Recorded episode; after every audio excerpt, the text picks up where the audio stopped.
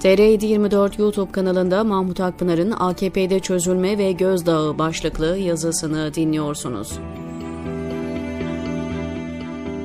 Erdoğan'a güven ve destek sürekli düşüyor. Artık o iyi ama çevresi yanıltıyor argümanları da satın alınmıyor. Millet açlıkla, yoklukla, işsizlikle sınandıkça tepkiler Erdoğan'a yöneliyor. İnsanlar hapse atarsa atsın deyip konuşmaya devam ediyorlar. Temel ihtiyaçlarını karşılamakta zorlananlar, kaybedecek şeyi olmayanlar cesaret kazanıyor. Erdoğan, ekonominin sorumlusu benim, ben ekonomistim dediği için ekonomi bürokratlarını, bakanları harcasa da hedef olmaktan kurtulamıyor. Erdoğan Türkiye'sinde her alanda çökme, çözülme, çürüme var. Bunu herkes görüyor ve bir çıkış, umut arıyor. Erdoğan'ın hamaseti, hitabeti, vaat vaatler şimdilerde insanlara bir şey ifade etmiyor. Muhalefetin inisiyatif alması AKP'den kopuşu hızlandırdı. Yaklaşık 6 aydır Erdoğan gündem belirleyemiyor. Cevap yetiştirmekle meşgul. Kılıçdaroğlu'nun bürokrasiyi uyarması, enflasyonu manipüle eden TÜİK'e ziyareti etkili çıkışlardı. Geçen hafta içinde yapılan Mersin mitingi coşku ve heyecan uyardı. Zira insanlar mitinge CHP'ye destek olmaktan öte AKP'den nefret ettikleri için gidiyor ediyor. Son dönemde insanları birleştiren en önemli konu AKP karşıtlığı. Herkes Erdoğan'ın ülkeyi hızla uçuruma sürüklediğini ve dur demek gerektiğinin farkında. Her geçen gün hem muhalefetin hem de halkın Erdoğan'ın gönderilebileceği konusunda umudu artıyor. Erdoğan'dan nefret AKP'nin erimesi, AKP içinde endişe, telaş ve çözülme şeklinde kendisini gösteriyor. Bürokrasi AKP'nin gideceğini satın aldı. Artık Ankara'da bürokratların, memurların dini jargonu bırakıp seküler dile döndüğü ifade ediliyor. Parti içinde de giderek yükselen homurdanma, rahatsızlık var.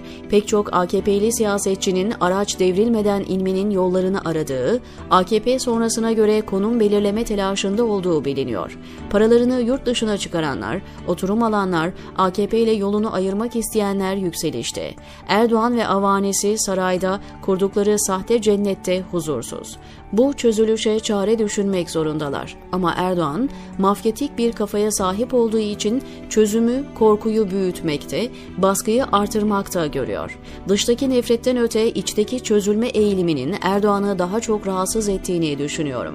Buna karşı çok defa deneyip sonuç aldığı sopayla, tehditle terbiye etme yöntemini kullanacağı anlaşılıyor.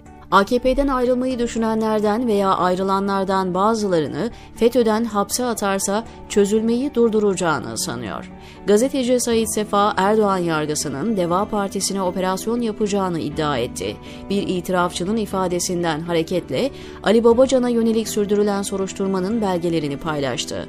Ayrıca Said Sefa'nın paylaştığı belgede Erdoğan'a mutlak biat konusunda ayak sürüyen eski bakan Faruk Çelik'ten Bülent Arınç'a, hukukçu Osman Can'a, Merkez Partisi Başkanı Abdurrahim Karslı'ya kadar çok kimsenin adı geçiyor. Deva Partisi'nden Metin Gürcan'ın casusluktan tutuklanması böyle bir projenin ipucuydu. AKP her açıdan dökülüyor.